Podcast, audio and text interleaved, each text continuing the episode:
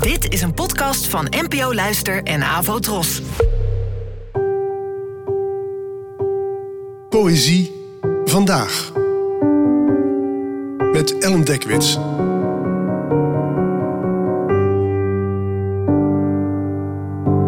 Hallo, fijn dat je luistert.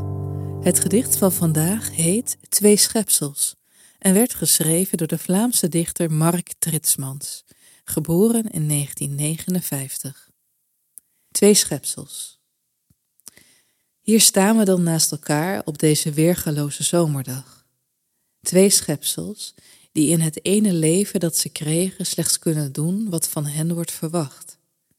Jij, aan je omtrek te zien meer dan honderd jaar al op deze plek verankerd, in het felle zonlicht volop bezig met fotosyntheseren, want dat is wat een zomereik bij uitstek doet.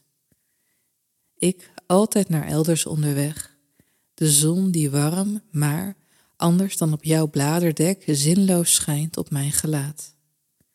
En bij gebrek aan echte productie bezig met filosoferen, wat sommige mensen helaas niet kunnen laten. Verfrissend is het dat wij dit gesprek hier kunnen aangaan. In dit stille bos leggen we onze niet omruilbare kaarten naast elkaar op de zachte tafel van aarde.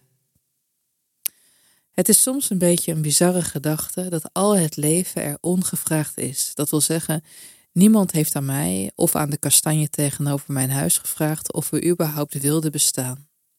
En toch doen we het maar. En wat ik leuk vind aan dit gedicht van Mark Tritsmans is hoe een mens een eik ontmoet en elk op een andere manier druk is met leven.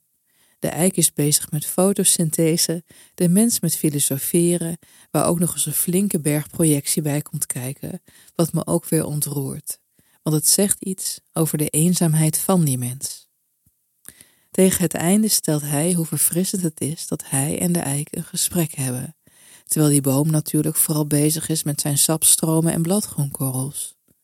De mens praat, zoals wel vaker, gewoon tegen zichzelf.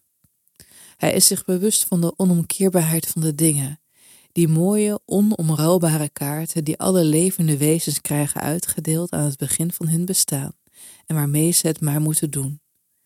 Tot die zachte tafel van aarde hen weer opslorpt en de kaarten opnieuw schudt.